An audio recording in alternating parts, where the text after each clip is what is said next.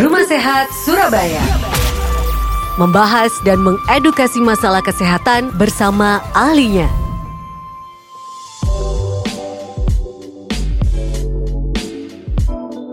96 FM Mercury, sahabat kalau sudah lagu Ingatkan Temanmu ini muncul berarti sudah waktunya Rumah Sehat Surabaya menemani Anda sahabat ya. Seperti biasa Rumah Sehat Surabaya hadir setiap hari Rabu pukul 11 hingga 12 siang menghadirkan narasumber untuk bisa memberikan kita edukasi, informasi seputar kesehatan yang tentunya sangat kita butuhkan supaya kita lebih aware dengan kesehatan kita sahabat ya. Dan seperti biasa juga Rumah Sehat Surabaya bisa Anda dengarkan tidak hanya melalui uh, siaran analog tapi juga bisa streaming di www.merkurfm.id atau melalui aplikasi On Air. Sahabat yang sudah bisa ada download baik itu di Play Store maupun juga di App Store karena di aplikasi On Air Anda bisa mendengarkan kembali eh, episode-episode uh, dari Rumah Sehat yang mungkin Anda tertinggal ya. Episode-episode sebelum episode-episode sebelumnya sudah bisa Anda dengarkan kembali di podcastnya Mercury di aplikasi On Airs ya. Dan bisa juga Anda baca di website www.merkurfm.id di rubrik Rumah Sehat Sahabat. Seperti biasa juga perjalanan Rumah Sehat selama kurang lebih satu jam ini saya tidak sendiri sahabat sudah ada Ellen Pratiwi. Apa kabar? Halo, assalamualaikum. Terima kasih Yanti, senang sekali ya. untuk hari ini kita ketemu kembali. Tanpa terasa bulan Maret sudah ada di ujung ya ini ya. ya. Betul. Tanggal 31 Maret 2021 dan harinya uh, tentu saja istimewa setiap Rabu saya hadir mm -hmm. di sini dan juga tamunya sangat istimewa hari ya, ini. betul. Terima kasih dan uh, saya sapa terlebih dahulu Profesor Dr. Dr. Budi Santoso SPG Konsultan. Assalamualaikum Bro. Waalaikumsalam warahmatullahi wabarakatuh. Oke, okay, Selamat Alhamdulillah. pagi Mbak Yanti. Mbak, iya. Mbak Elang Pratiwi, Mbak Ellen. Gimana makin sibuk ya Prof ya? Selamat ya, ini menjadi Dekan Fakultas Kedokteran Universitas Erlangga Surabaya. Ya. Tentunya jadwalnya ini makin padat. Betul. Masih sempat tapi ya ke sini saya udah deg-degan aja soalnya dapat jadwalnya Prof. Kita bersyukur loh ya ketemu lagi dengan iya, Prof Budi. Makin makin keren. Ya.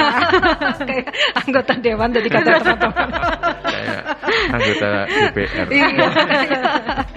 Baik Prof, uh, terima kasih waktunya sudah berkenan uh, hadir dan tentu saja ini adalah merupakan program kerjasama uh, Radio Merkuri Surabaya dengan Ikatan Dokter Indonesia cabang Surabaya dan saya mendapatkan amanah dari Dr. Brahmana sebagai ketua untuk bisa uh, mengundang uh, Prof Budi Santoso sebagai narasumber dengan tema khusus yaitu pelayanan bayi tabung di masa pandemi. Hmm. Halo, apa kabar ibu-ibu, bunda-bunda, calon ibu juga semuanya yang lagi hamil, yang pengen hamil ini mumpung ada pakarnya di sini ya. Pejuang garis dua juga. Iya, pejuang garis, iya pejuang dua garis ini penting sekali memang Prof ya. Insya Allah uh, sudah standby di uh, apa nih di radionya masing-masing hmm. karena kita sudah share dari kemarinnya informasi yeah. ini. Nah, kita pengen tanya nih karena Prof di masa pandemi ini uh, mungkin makin bertambah kesibukan apalagi sekarang juga menjabat sebagai dekan begitu ya bagaimana membagi waktunya masih sempat praktek begitu Prof ya alhamdulillah jadi ini amanah yang harus kita lakukan juga yang terkait dengan kewajiban profesi ini kan. Hmm, ya, ya, ya. Jadi alhamdulillah dengan membagi waktu kita bisa uh, berjalan uh, semuanya. Ya walaupun mungkin ada modifikasi-modifikasi tentang pelaksanaannya, ya. tetapi hmm komitmen untuk uh, tanggung jawab yang besar untuk menghasilkan lulusan-lulusan dokter ini tentu tidak boleh uh, dinomorduakan dan kami tetap berusaha untuk datang paling pagi begitu hmm. ya, sambil uh, untuk pagi hari uh-huh. kemudian ya pulang ya sampai selesai datang dan, paling pagi pulang paling malam jangan-jangan ya.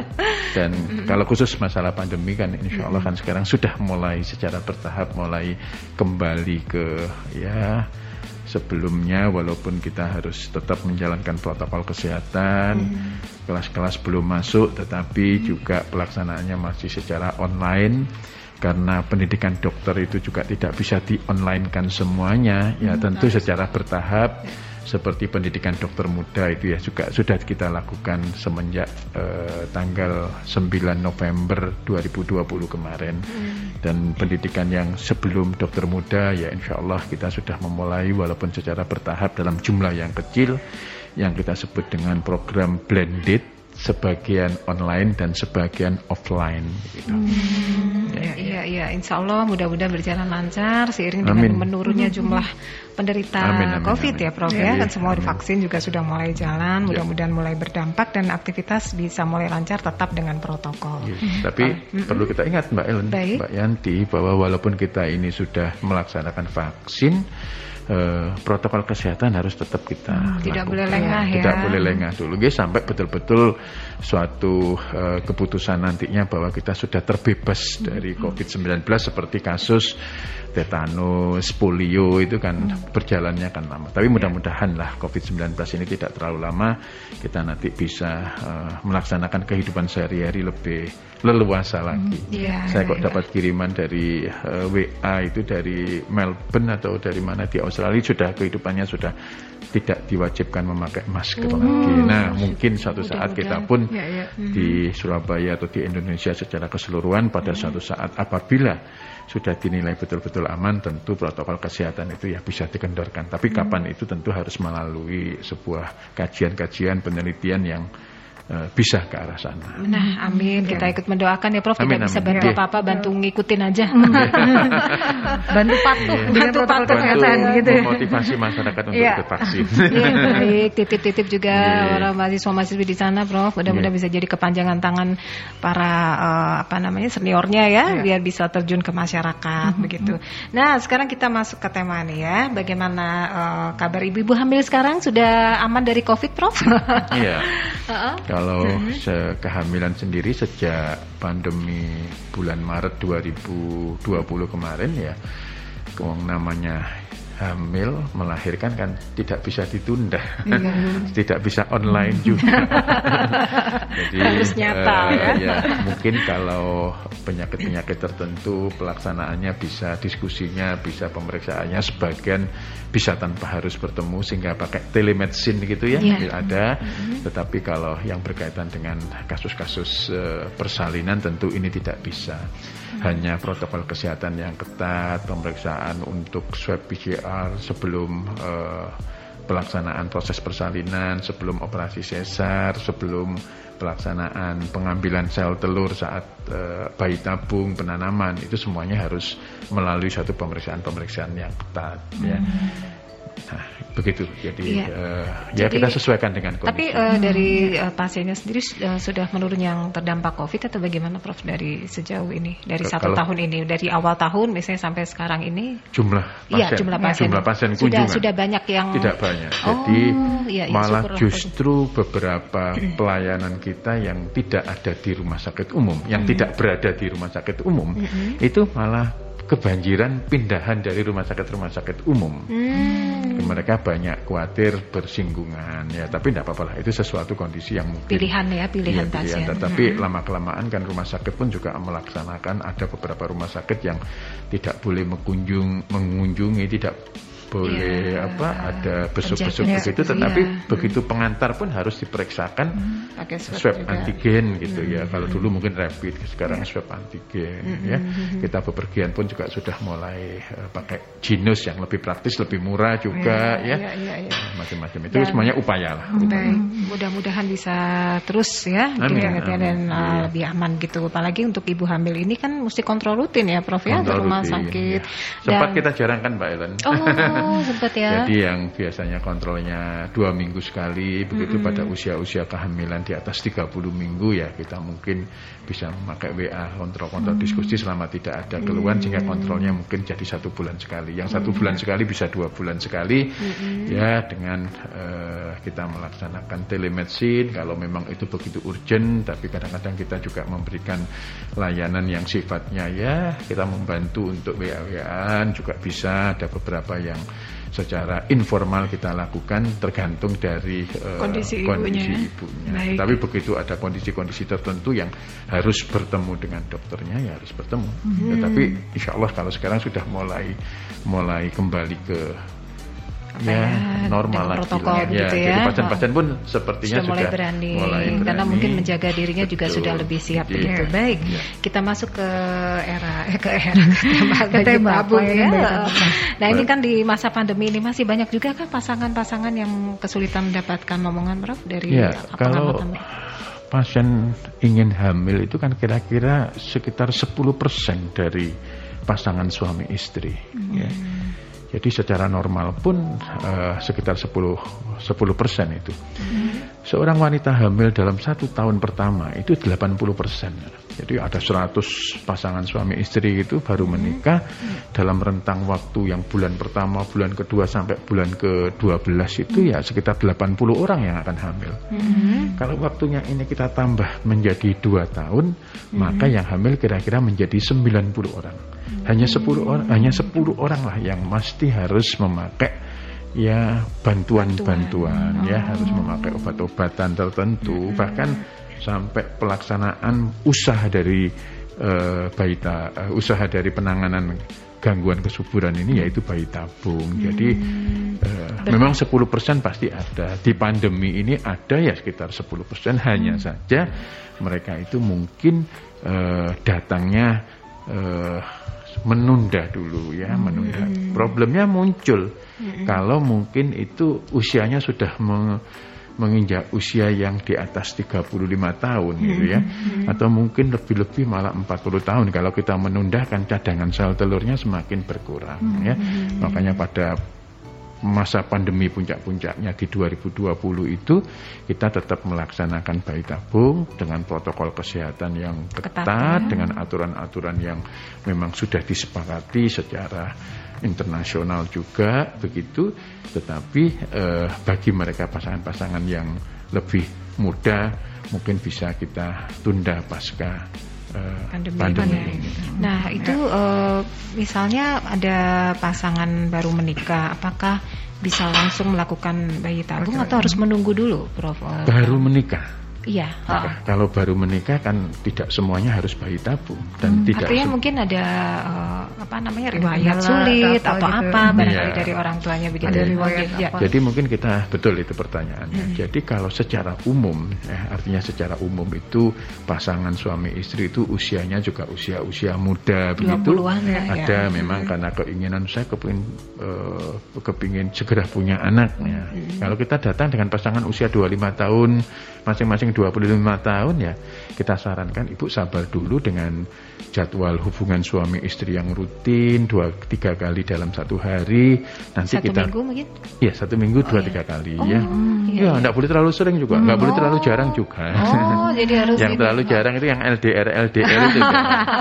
nah iya, iya, kalau iya. setelah satu tahun mereka melaksanakan hubungan suami istri yang normal artinya normal itu dua sampai tiga kali dalam satu minggu, minggu bukan satu malam loh ya.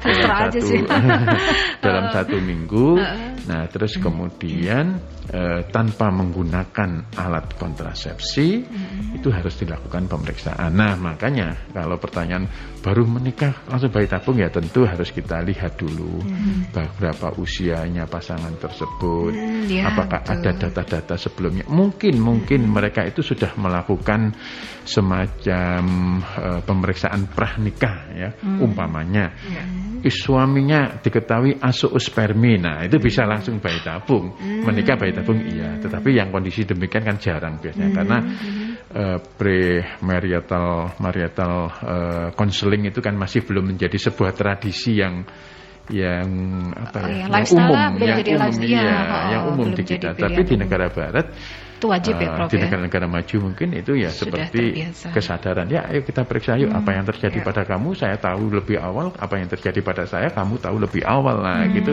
tapi kita kan perlu menjadikan semacam budaya ya, sehingga ya, begitu ya. pernikahan ya kita tunggu kalau memang tidak ada informasi-informasi lainnya tetapi kalau ada informasi yang berkaitan suami calon suami saya atau suami saya ini sudah periksa dan asuspermi artinya tidak ada sel-sel mani di dalam uh, air maninya, ya maka saya mohon uh, ditangani lebih lanjut ya hmm. namanya aspospermi ya harus bayi tabung hmm. begitu. Kita akan ke penelpon terlebih dulu ya Prof. Selamat siang Merkuri. Selamat siang, salam sehat. Salam sehat, Selamat siang, Bapak. Dengan Mas Dewa. Ya. Ya. ya. Anda dapat 2 juta. Silakan Mas Dewa. Malah dikejadiannya. Silakan Mas Dewa. Ya. Dokter, sehat ya dokter. Alhamdulillah Mas Dewa. Semoga dilindungi semua teman-teman sejawat, keluarga besar Amin. sampai sampai pandemi ini bisa kita kuasai. Kalau sampai hilang nggak mungkin kita kuasai. ya, dokter, ada pertanyaan ini pertama, dicatat pertama. Itu faktor untuk ke kesehatan ya, kesuburan dari uh, sperma. Apakah benar sih ada yang ngomongnya konsumsi kecambah? Kecambah itu bagus ya. Sama ada juga buah kiwi terus juga terong. Tetapi kalau terong itu kadang orang di dulu itu diisukan makan terong jadi loyo, jadi nggak bagus. Padahal itu adalah penjajah Belanda yang membodohin kita supaya kita nggak berkembang biak gitu loh. Tapi kan itu sebenarnya terong bagus di Jepang juga pada konsumsi terong itu ternyata juga bagus mereka spermanya. Apakah itu bisa untuk memperbaiki kesuburan sperma? Kedua dokter, hal-hal yang bikin sperma menjadi rusak itu apa benar sih perokok itu jadi mandul gitu loh. Tetapi kalau ngomong jadi mandul, kok banyak, banyak orang yang nggak mengurangi rokok ya. ya. Anaknya ya? banyak-banyak ya. Dan juga anak. Tapi rata-rata nun sewu dari teman-teman yang perokok pasti anaknya perempuan. Apakah itu faktor juga berpengaruh ya? Malah yang nggak merokok biasanya cowok. Anak pertamanya menurut saya ya.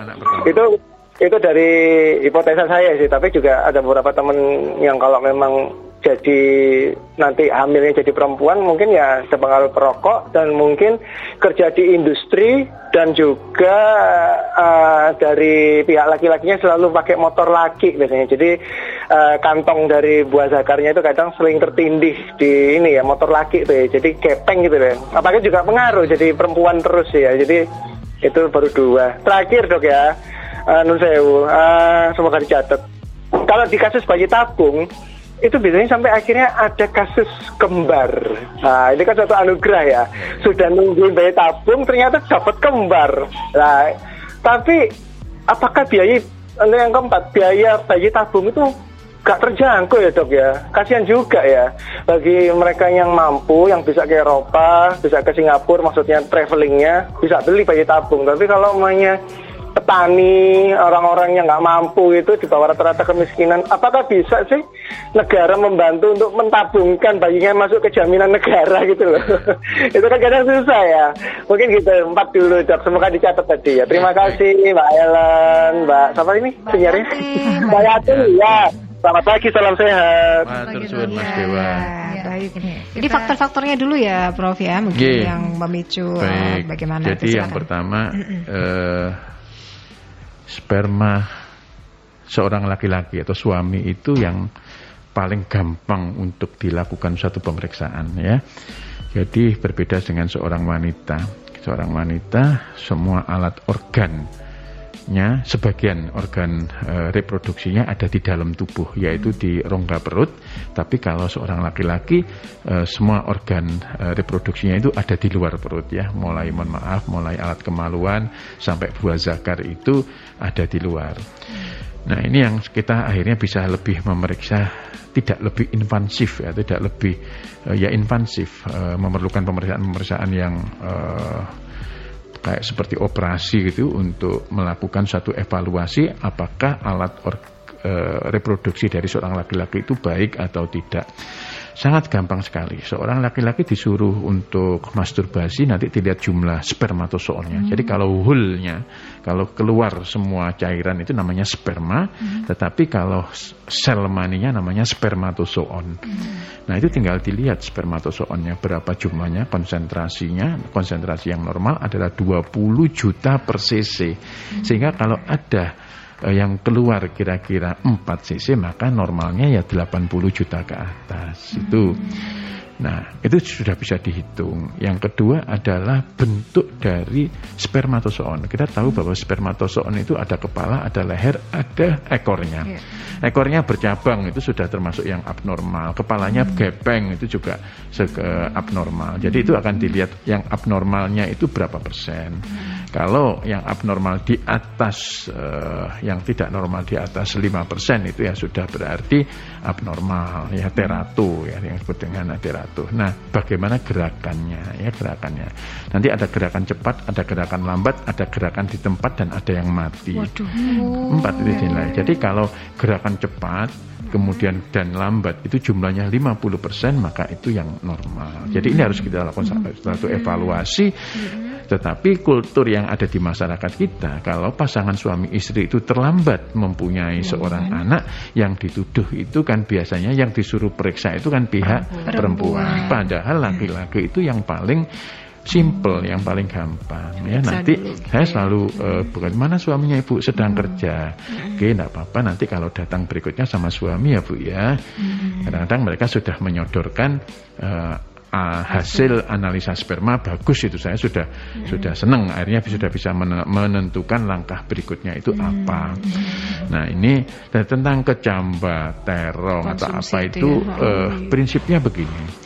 Uh, kalau makanan-makanan tersebut mengandung antioksidan hmm. itu tentu sangat bagus ya. Hmm. Ya ada seleniumnya, ada ya zat-zat yang uh, sifatnya memperbaiki sperma itu memang kita sebut dengan antioksidan dan itu selalu kita berikan pada pasangan suami yang mengalami satu keterlambatan. Nah, apakah kecambah Uh, kemudian kiwi, buah kiwi, terong. kemudian terong itu sepertinya sepertinya iya, tapi saya sendiri tidak paham berapa komposisinya, apa yang zat aktifnya, hmm. tetapi sepertinya iya. Tetapi kalau kecambah itu juga ada ininya, mitosnya, ya hmm. mungkin dasarnya kecambah itu kan tumbuh ya. Kalau ya, pagi ya, kacang hijau gitu dikasih ya. oh, itu kan subur, itu mungkin ketambahan. Tapi iya. terlepas dari itu, sepertinya juga ada antioksidan yang sifatnya membantu. Hmm. Nanti karena ingin punya anak makan kecambah terus, terus lontong balap.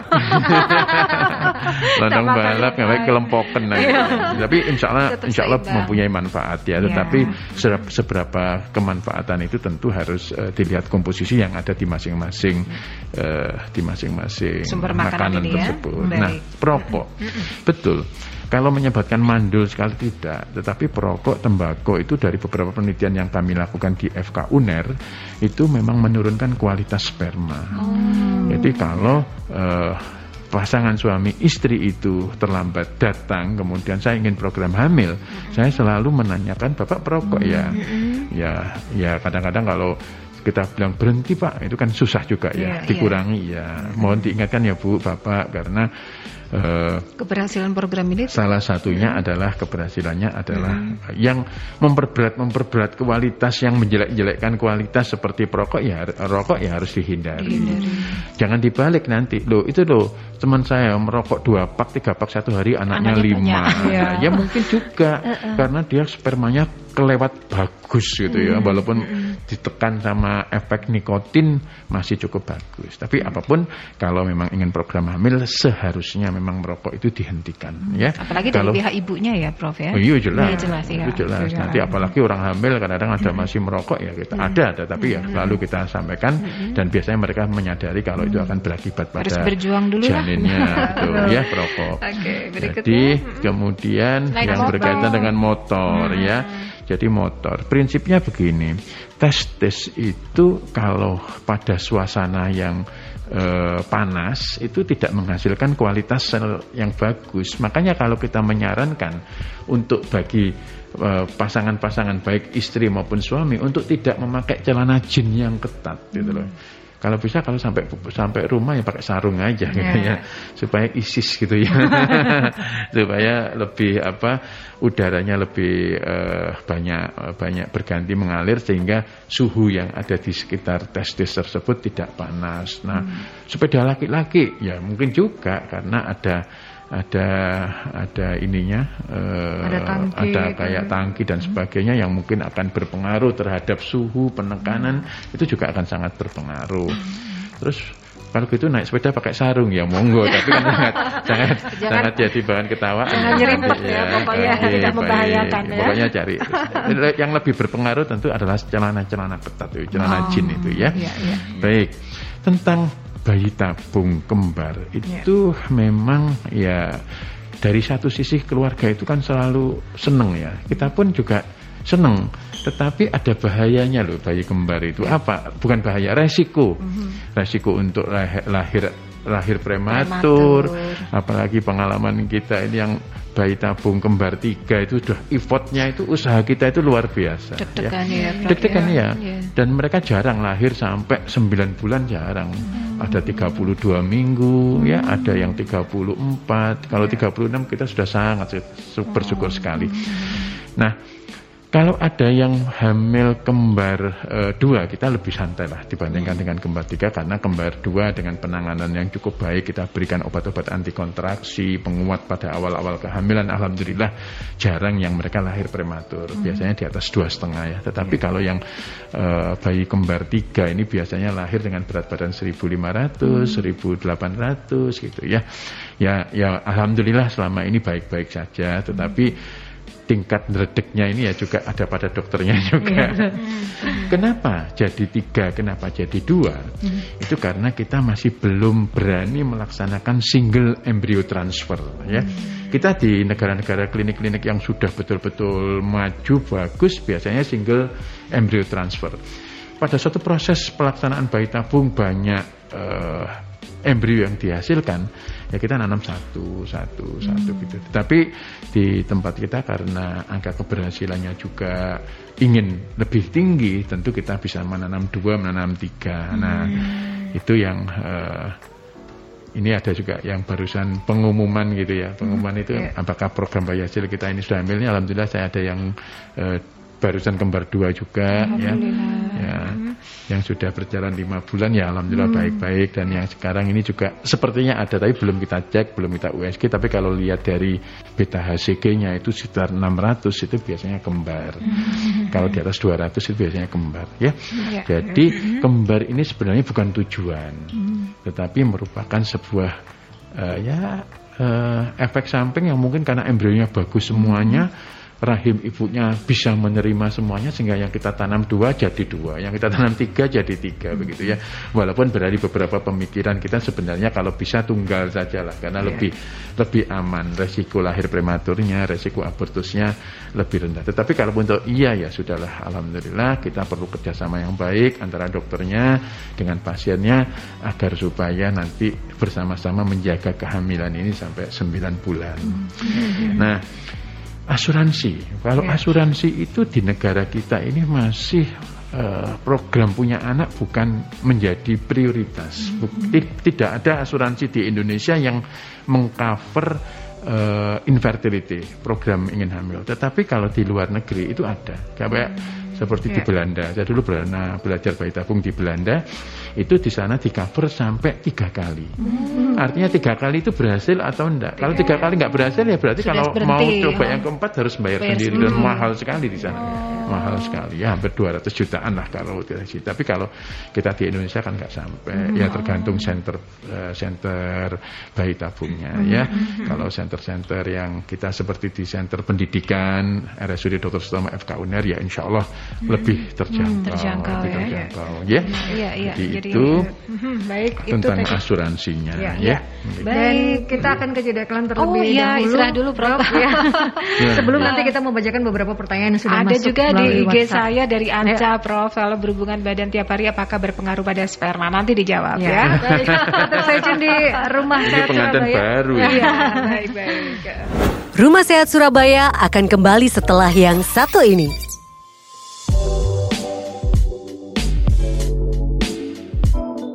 96 FM Merkuri, sahabat dan karena waktu sudah tidak banyak tapi pertanyaan yang banyak masuk. Pertanyaan antriannya luar biasa nih ya. ya. jadi saya langsung ke posko untuk beberapa pertanyaan ya, yang masuk. tetap dengan tema pelayanan bayi tabung di masa pandemi bersama Profesor Dr. Dr. Budi Santoso SPOG Konsultan. Silakan. Ya, ya Yanti, uh, selamat siang Yanti, Mbak Ellen, selamat hmm. siang Prof. Ini ada beberapa pertanyaan yang masuk. Pertama itu adalah Pak Ivan. Pertanyaannya, dok, apakah baby hasil normal dengan baby dari program bayi tabung itu memiliki kerentanan yang berbeda saat melahirkan? Kemudian yang kedua adalah Bu Hermin, uh, bagaimana caranya supaya wanita uh, perimenopause tetap subur dan bisa mudah untuk hamil? Hmm. Apakah ada tipsnya? Kemudian Bu Nina, tambahan prosedur apa yang membedakan program bayi tabung di new normal dengan sebelumnya? Kemudian Mbak Intan menanyakan apa perbedaan layanan bayi tabung di masa sebelum pandemi dan di masa pandemi. Sebetulnya di mana letak perbedaan yang signifikan? Hmm. Ya, ambil pertanyaan dulu okay. ya. Ya, baik, terima okay. kasih. Ya, baik, Pak Ivan dulu ya. Ya, silakan Jadi uh, selama ini uh, bayi tabung dengan bayinya terhadap kajian bayinya tidak ada masalah. Mm -hmm. Jadi tingkat kecerdasan dan sebagainya uh, kerentanan uh, sama sama saja. Memang pernah dipikirkan bahwa teknologi sejak tahun 2000, eh, 1995 itu adanya namanya ICSI, ya, hmm. intracytoplasmic sperm injection. Jadi oositnya ditusukkan eh, sebuah mikropipet ya, pipet kecil sekali untuk memasukkan spermatozoon supaya langsung tidak. Jadi tabung itu ada dua, ada yang uh, pembuahannya secara normal, secara dipertemukan aja mereka membuahi sendiri, hmm. tapi ada yang ditusukkan. Nah, yang hmm. ditusukkan yang isi itu ada kecurigaan membawa semacam uh, kelainan-kelainan. Tapi setelah hmm. evaluasi hampir 26 tahun ini, oh. alhamdulillah tidak ada masalah, tidak ada bedanya. Ya, nah, saat proses persalinannya juga sebenarnya sama. Hmm. Cuman mungkin akan pertanyaannya, lo kok yang bayi tabung banyak seksio kan gitu ya?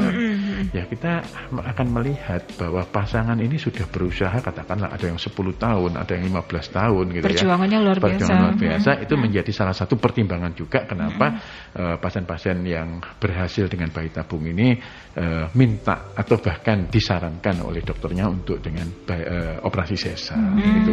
Jadi bukan masalah karena bayinya rentan persalinan normal tidak, tidak tetapi ya. dengan beberapa pertimbangan yang ada di istilahnya kebidanan itu uh, high social value baby. Jadi bayi yang mempunyai nilai sosial yang tinggi gitu ya. Hmm. Ya semua bayi mahal, yeah. semua bayi mahal. Tetapi hmm, untuk orang yang baru melahir uh, baru menikah kemudian satu tahun punya anak dengan orang yang 10 tahun hmm, menunggu baru, hmm, hmm. baru hamil dan mau punya anak tentu kan ada perbedaan iya. penanganan. Penantian yang berbeda ya, Bro. Iya. Dan itu perjuangan pejuang, ya. pejuang, pejuang dua garis itu ya. Baik. Okay. Yang kedua yaitu hmm. untuk wanita perimenopause. Oke. Okay. Tetap subur. Jadi perimenopause itu adalah sebuah tahapan lima tahun sebelum menopause. Kapan dikatakan menopause? Kalau satu tahun berturut-turut tidak mendapatkan menstruasi, menstruasi dan saat menopause itu sudah tidak ada folikel yang uh, menghasilkan oosit itu ada, jadi sudah hmm. nol gitu ya. Hmm. Nah sebelum nol lima tahunnya itu turun turun turun hmm. akhirnya sampai nol. Sehingga kenapa orang-orang yang usia antara katakanlah uh, average uh, rata-rata orang menopause di Indonesia itu 50 tahun lah katakan hmm. begitu, maka kira-kira unsur 45 tahun itu sudah tidak subur ya. Hmm. Karena apa? Sudah tinggal tidak banyak ya. dan kualitas dari oositnya, sel telurnya itu tidak bagus sehingga banyak hmm. resiko untuk terjadinya keguguran, hmm. banyak terjadinya uh, kelainan uh, cacat bawaan hmm. seperti Down syndrome ya. Itu adalah uh, kondisi yang uh, di yang ada pada orang-orang perimenopause. Hmm. Bagaimana membuat satu subur? Tentu tidak bisa. Hmm. Apa bukan berarti bahwa orang yang usia 46 tahun nggak bisa hamil? Bisa. Pas orangnya memang subur, suaminya subur, sudah punya lima anak umur yeah. 45 tahun tiba-tiba umur 47 tahun hamil ya ada hmm. tapi itu adalah kondisi-kondisi tertentu yang memang suami dan istrinya subur walaupun istrinya sel telurnya tinggal sedikit istilahnya folikelnya tinggal sedikit begitu uh, cadangannya itu tapi masih bisa masih bisa hamil. Mm-hmm. Nah itu tentang perimenopause. Mm-hmm. Jadi nggak ada obatnya, ya nggak mm-hmm. ada obatnya karena itu berkaitan dengan ya, Prof, ya. ya. Mm-hmm. Tapi ya masih ada lah dengan orang-orang yang masih hamil itu. Uh, pengalaman kita tidak terlalu baik kalau uh, bayi tabung peserta istri itu di atas uh, 43 tahun itu ya 45 tahun itu sudah jarang yang hamil, jarang hmm, yang berhasil. Sehingga ya, kita menyarankan hmm kalau ada problem-problem tentang uh, kesuburan baik suami maupun istri itu hmm. akan lebih baik angka keberhasilannya kalau dilaksanakan pada usia, usia yang lebih ya, muda. Lebih muda ya, ya Prof ya. Iya, iya. Nah, Kemudian, prosedur pada new normal ini sebenarnya mirip-mirip dengan ya, pelaksanaan sebelum pandemi, pandemi dan ya. pandemi. Sebenarnya kalau pelaksanaan bayi tabungnya standarnya sama. Hmm. Ada enam langkah mulai dari screeningnya, mulai dari stimulasi ovulasinya yaitu disuntiki setiap malam selama 9 malam. Hmm. Terus kemudian proses di laboratorium mempertemukan menemukan antara spermatozoon dengan oositnya seperti ICSI tadi yang saya sampaikan. Terus kemudian penanaman bayi tabungnya kemudian e, pemberian obat-obat e, penguat dan yang terakhir pengumuman. Nah semua proses itu standarnya sama hanya saja kita berada pada sebuah masa pandemi yang harus menjaga protokol kesehatan, menjaga jarak, menutup masker, kondisi pasien yang kita tangani itu juga tidak sedang menjalani apa penyakit, tidak mendapatkan uh, tidak sedang menderita COVID-19. Hmm. Nah, itu jadi perbedaannya screeningnya. Screeningnya sebelum pelaksanaan kita utamanya dilaksanakan dengan PCR karena PCR itu usianya 14 hari maka kita biasanya screening awal itu screening swab antigen. Kalau negatif nanti mendekati masa penanaman bayi tabungnya kita swab uh, untuk PCR-nya itu untuk uh, pihak istri, pihak suami cukup Juga. swab antigen aja yang oh, mengantar, mengantar tentunya. Dan pendampingnya cuma satu aja ya, Prof? Iya, Nggak satu bisa rame-rame kayak dulu Dan, kan ya, mertua, dulu ada tetangga, beberapa, ya, ada iya. susternya udah siap gitu. Baik, baik. Nah, ini uh, untuk, ya apalagi proses uh, melakukan bayi tabung hingga penanaman kemudian mengetahui tes hasil itu berapa lama sih? Biasanya durasi jadi, umum durasi. Gitu, jadi kita berharap pada haid hari pertama atau hari kedua itu uh, calon peserta bayi tabung itu harus datang. Hmm. Kita lakukan screening baik suami dan istri. Yang jelas mereka tidak boleh uh, ada HIV AIDS-nya hmm, ya. Sehat ya. Nanti ada penanganan khusus kalau mereka itu hepatitis B-nya, hepatitis hmm. C-nya. Sehingga kalau kita screening itu ada, mungkin kita lakukan satu pengobatan dulu, kita hmm. konsultan ke penyakit dalam agar suami atau istri itu sudah tidak ada larangan untuk menjalani satu proses oh, uh, bayi tabung ini. Jadi screeningnya awal juga masih ketat juga ya, ya Prof ya? Ketat, oh, itu suami itu dan istri. Untuk anaknya nanti ya Prof ya, hmm. untuk kebaikan. Oh iya, mm -hmm. nanti untuk mm -hmm. untuk anaknya sendiri dan untuk proses pelaksanaan mm -hmm. tidak memungkinkan pasien yang dengan HIV itu kita taruh di dalam satu inkubator itu kan nggak memungkinkan. Oh. Harus ada penanganan khusus. Oh, ya, supaya khusus. tahu juga ya, dari awal ya, Prof ya. ya. Oke. Okay. Jadi itu screening yang kedua adalah screening yang pada ibunya. Ya, cadangan sel telurnya bagaimana, hormon-hormon yang harus kita lakukan satu pemeriksaan untuk menentukan dosis penyuntikannya. Nah, hari ketiga malam kita mulai penyuntikan. Kita hmm. suntik hmm. dengan obat-obat gonadotropin tiga hari ya. Hari ketiga keempat kelima. Hari keenam kita lakukan evaluasi. Kita ukur besar sel telurnya. Kemudian kita cek estrogennya atau E2 nya estradiolnya. Nanti dari sana kita akan bisa menyimpulkan bahwa proses perkembangan uh, sel telurnya ini sudah on the right track atau belum. Hmm. kalau ternyata uh, jumlah E2-nya, kadar E2-nya itu sudah sesuai yang kita harapkan, ukuran dari sel telurnya itu sesuai dengan harapan kita pada hari ke-6, maka dosisnya tetap. Hmm. Untuk suntik hari ketiga ke uh, sorry ke-6, ke-7 dan ke-8. Mm-hmm. Hari ke-9 kita lakukan ngecek tersebut juga sama. Mm-hmm. Kalau ternyata hasilnya sesuai, ya kita sesuaikan dosisnya untuk hari ke-9, 10, hmm. 11. Kalau kurang, dosisnya kita naikkan. Hmm. Oh. Untuk hari ke-9, 10, ke-11. Nah, hari ke-12 ini penentuan. Hmm. Kapan yang disebut dengan apa yang disebut dengan penentuan? Kalau penentuan itu jumlah E2-nya, estradiolnya itu sudah cukup, kemudian ukuran sel telur itu juga juga cukup, maka kita suntik dengan pematangan uh, oositnya. Kita suntik 36 jam kemudian kita lakukan panen sel telur kita hmm. panen, kita ambili oositnya sperma suami. Ya kira-kira itu pada hari ke-14, hari ke-14. Hmm. Nah, hari ke hari ke-14 kemudian kita lakukan uh, suaminya kalau spermanya bagus atau kurang tapi kurang-kurang sedikit gitu masturbasi kemudian hmm. kita pertemukan ya hmm. apakah mempertemukan tersebut memakai konvensional atau pakai ICSI nanti dilihat ya hmm. setelah itu kita D per D hari per hari kita lihat uh, perkembangan embrionya kalau bagus semuanya jumlahnya banyak kita biasanya hari kelima hari kelima kan berarti penanamannya hari ke-19 ya. Mm. Nah, hari kira-kira uh, eh, 12 hari dari ovum pick up-nya kita lakukan pengumuman mm. apakah berhasil atau tidak, apakah hamil atau tidak, ya kira-kira secara total 28 hari lah. Nah, 28 hari. Sampai menunggu pengumuman. Ya. Jadi yang lama tuh sebenarnya persiapannya Iya. tadi itu Ya, kayak persiapan bahwa penyuntikan, ya. penyuntikan itu. itu ya. Iya, iya, iya, iya. Jadi, Jadi tidak harus datang terus rumah sakit, enggak. Enggak, Yang kira-kira bisa datang sampai dengan hari ke-14 itu Hmm. aja. Hmm.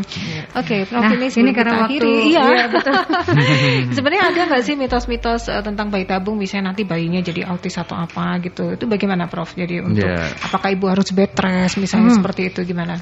Enggak kok ya. Jadi Ya. kalau yang autis enggak banyak sih. Ya kebetulan juga saya banyak mengenal dari pasien-pasien. Ada yang Juga bikin ini. testimoni juga di buku Iya. ya, Prof ya, banyak ya. Iya. Oh. Iya, Nggak. ada ada bukunya Prof ya.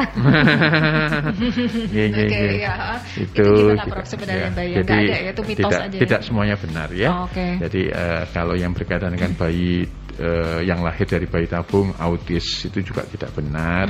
Terus kemudian yang apa tadi Mbak Ellen? Eh, ibu harus bed rest. Oh, nah bed rest itu tidak ya. Oh.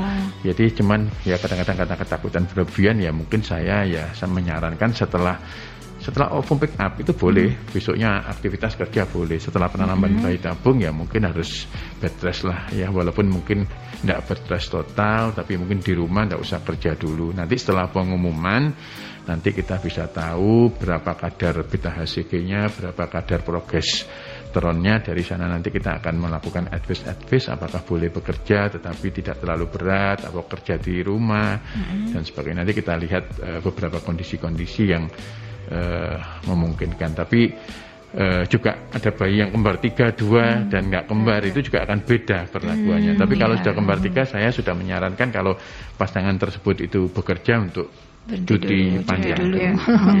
Prioritas buat anaknya dulu betul. ya. Iya. Baik, ini pesan-pesannya apa Prof buat eh, mungkin eh, bunda-bunda ataupun juga calon bunda ini ya yang Iya. berharap juga eh, segera memiliki momongan gitu. Berjuang Apalagi di masa. Iya. di masa pandemi ini nggak usah Berjuang. khawatir ya. Sekarang Iya. sudah aman atau bagaimana Ya, Prof? baik. Jadi eh, program untuk penanganan infertilitas atau penanganan eh, kesuburan ini tidak selalu dengan bayi tabung ya. Eh, mohon ini harus ditempatkan kepada eh, porsinya ya. Ya, kita nanti kalau umpamanya tidak perlu bayi tabung ya, ya tidak usah bayi tabung gitu loh ya. Hmm, Kalau ada. pasien datang suami istri normal masih menikah dua tahun belum hamil, kan kita masih bisa melihat suatu apa sih penyebabnya ya. Setelah dicoba-coba-coba belum hamil, maka kita harus mencari faktor-faktor penyebabnya. Dari faktor penyebabnya itulah kita melakukan satu treatment atau pengobatan. Kalau ternyata dari sana gagal, inseminasi gagal, baru bayi tabung ya.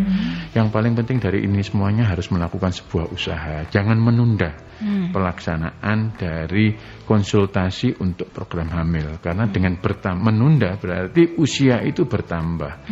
Usia bertambah khususnya bagi istri itu tidak malah menguntungkan, malah merugikan. Usia istri di atas 35 tahun, maka resiko kesuburannya itu sudah turun, resikonya eh, keguguran itu meningkat. Jadi ini yang akan mempersulit ya. Dari saran saya untuk kalau ada program eh, problem gangguan kesuburan sebaiknya segera pemeriksaan dan jangan takut bahwa kalau periksa untuk ingin hamil harus bayi tabung juga tidak. Tidak selalu begitu. Kadang-kadang dengan yang kasus-kasus PCOS untuk olahraga, untuk menjaga makan diet, untuk mengurangi karbohidrat banyak yang hamil juga ya. Jadi segeralah untuk konsultasi untuk program kesuburan ini. Nah tadi ada yang tanya kalau terlalu sering berhubungan bisa Oke, mengurangi. ya. Jadi begini. Gimana ya, saking pengennya punya anak gitu. Jadi ini yang biasanya problem-problem pasangan-pasangan Baru. baru, ya. Dok, saya belum hamil, usianya ber- eh, men- sudah menikah berapa lama? Sudah menikah um, tiga bulan. Terus saya setiap hari berhubungan ya, itu yang membuat nggak hamil. ya. Jadi spermatozoon itu diproduksi selama dua kali 24 jam. Kalau di mohon maaf kalau dibuat hubungan suami istri itu setiap hari maka belum matang belum matur itu sudah keluar lagi keluar lagi keluar Oh, lagi iya, iya. Jadi, kualitasnya kurang bagus. kualitas yang eh, untuk dibuainya itu yang eh, yang membuainya spermanya kurang bagus. Kenapa disarankan dua hari sekali atau tiga hari sekali? Dan juga tidak boleh lebih dari lima hari hmm. supaya sperma saya sehat semuanya. Hmm, ditunggu saya dulu. ditunggu aja masa suburnya. Wah, itu tidak ambil-ambil juga. Oh. Jadi sebaiknya hubungan dua tiga Udah dihitung hari nih, yang benar begitu. Iya, kan iya, mereka iya. sebenarnya banyak di apa uh, aplikasi masa kesuburan ya, uh, ditunggu-tunggu. Ya hubungan aja, tetapi uh, dua hari tiga hari sebelum perkiraan masa subur mau hubungan itu juga lebih baik. Ya uh, nanti diulang dua kali 24 jam lagi. Jadi selang-seling hubungan enggak hubungan enggak hubungan oh, enggak gitu ya. Begitu. Nah, ya, ya. gitu saran Demi saya. terlaksananya ya. jadi nurut dulu. Terima kasih Prof ini untuk sama-sama informasinya luar biasa. Dan Mbak Yanti. Mudah-mudahan bermanfaat amin, ya. Amin, amin. Ya jadwal Profnya sudah padat merayap. Ya, kita dulu terima kasih sudah berkenan hadir ya Prof ya. Mudah-mudahan lain waktu bisa bertemu kembali dengan tema-tema yang lain yang lebih amin. menarik. Ya, silakan ya. Yanti. Sekali terima kasih Prof.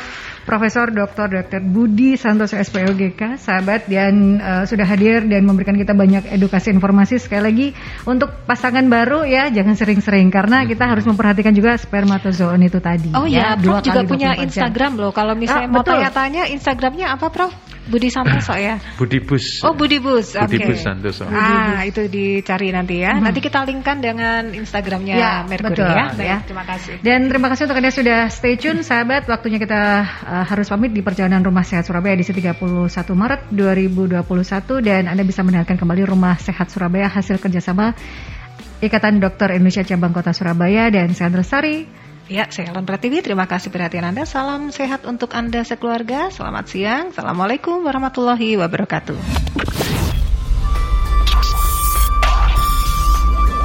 Terima kasih sudah mengikuti Rumah Sehat Surabaya.